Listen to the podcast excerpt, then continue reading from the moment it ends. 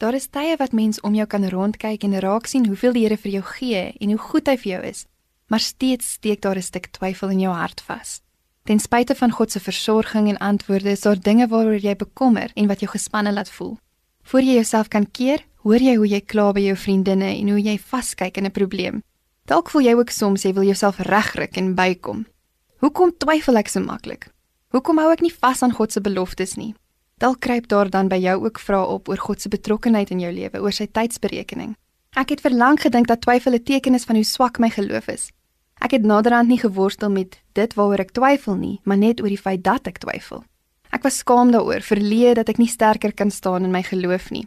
My geestelike mentor het op 'n dag vir my gehelp om 'n belangrike kopskuif te maak oor twyfel. Om te glo is mos juis om vas te hou aan dit wat jy nie sien nie. Sekerheid en feite is dis nie die voorvereiste vir geloof nie. Dit het my gehelp om te verstaan dat twyfel en geloof eintlik baie na aan mekaar kan loop. Lees saam met my hoe Dawid in Psalm 42 oor sy eie twyfel voel. Waarom is ek so in vertwyfeling en waarom kerm ek so? Vertrou op God. Ja, ek sal weer vir hom 'n loflied sing. Hy is my helper en my God. Uit my vertwyfeling roep ek na U, hier van my Jordaangebied van Hermonberg, van die klein berg af waar die waters teen mekaar raas en U waterstrome bruis. U het golf na golf oor my laat slaan. Dawid besef dat die Here hom weer na 'n plek sal lei waar hy rustiger voel, sterker in geloof kan staan. Hy raak moedeloos en voel selfs teleurgestel dat hy twyfel, maar hy besef dat sy geloofsreis met God hom daardeur sal lei.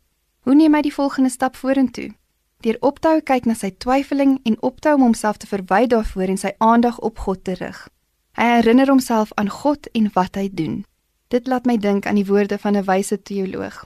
Of ek glo dit weet ek nie, maar in wie ek glo is ek seker. Die krag van geloof lê nie in hoe goed ons glo nie, maar in die persoon in wie ons glo. Kom ons bid saam. Here mag ek die verligting van u genade ook in oomblikke van twyfel oor my voel spoel. Mag ek vertrou dat u my daardeur sal lei en mag ek raak sien hoe sterk my geloof is omdat dit in u God drie enig is waarin ek glo. Amen.